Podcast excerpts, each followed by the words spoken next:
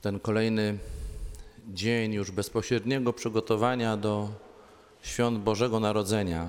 Naszym przewodnikiem po tym roratnim naszym wstawaniu i naszych roratnych drogach, ro, drogach wiary jest Zachariasz.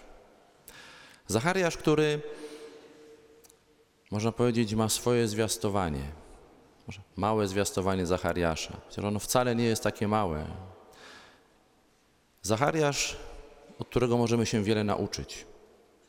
Możemy się nauczyć cierpliwości w wierze, bo ta Ewangelia nam wiele o nim mówi.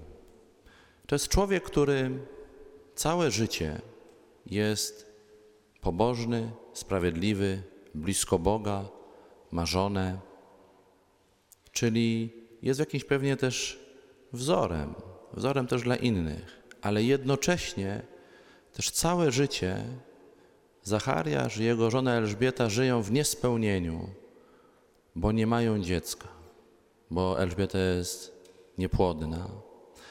Ale bynajmniej to Zachariasza od Boga nie oddala. Zachariasz przez całe życie modli się cierpliwie o potomstwo, bo zauważa to Gabriel, bo to on mówi: Zachariaszu, Twoja prośba została wysłuchana. A zatem Zachar Gabriel też wie, o co Zachariasz się modlił. I to jest niesamowite, że ten Zachariasz całe życie modli się o, o potomstwo, a kiedy to zaczyna się dziać, to stawia pytanie, ale po czym to poznam?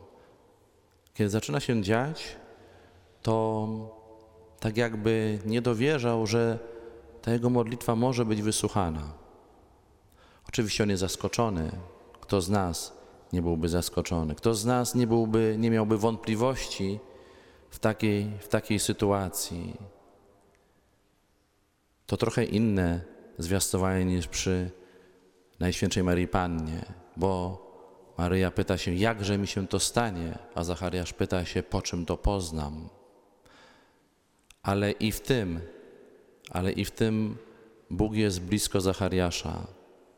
Bo to, że Zachariasz przestaje mówić aż do czasu narodzin, myślę, że nie jest przypadkowe. To nie jest kara. Tak myślę, że to nie jest kara za to, że, że, tak, się, że tak się zachował, ale myślę, że jemu jeszcze potrzeba ciszy, jemu potrzeba jeszcze milczenia, żeby ta spełniająca się obietnica zadomowiła się w nim, żeby on sobie nie zrobił jeszcze takiej większej krzywdy przez to, że zasypie się pytaniami, że zasypie się wątpliwościami, że zasypie się takimi refleksjami z życia, może nie jestem godny, może jednak to nie dla mnie. Lepiej, żebyś się nie odzywał.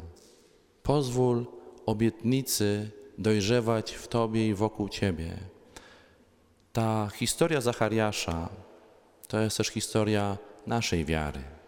Naszej wiary, która jest, którą, o którą się troszczymy, o którą się też modlimy, ale też wiary, która na każdym etapie naszego życia też wymaga takiej naszej osobistej odpowiedzi, ale i też i cierpliwości.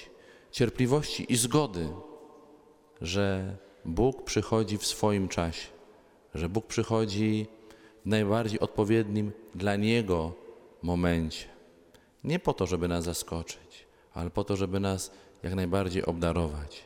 Dziękujmy Duchowi Świętemu za Zachariasza, bo on nas naprawdę może wiele o wierze nauczyć.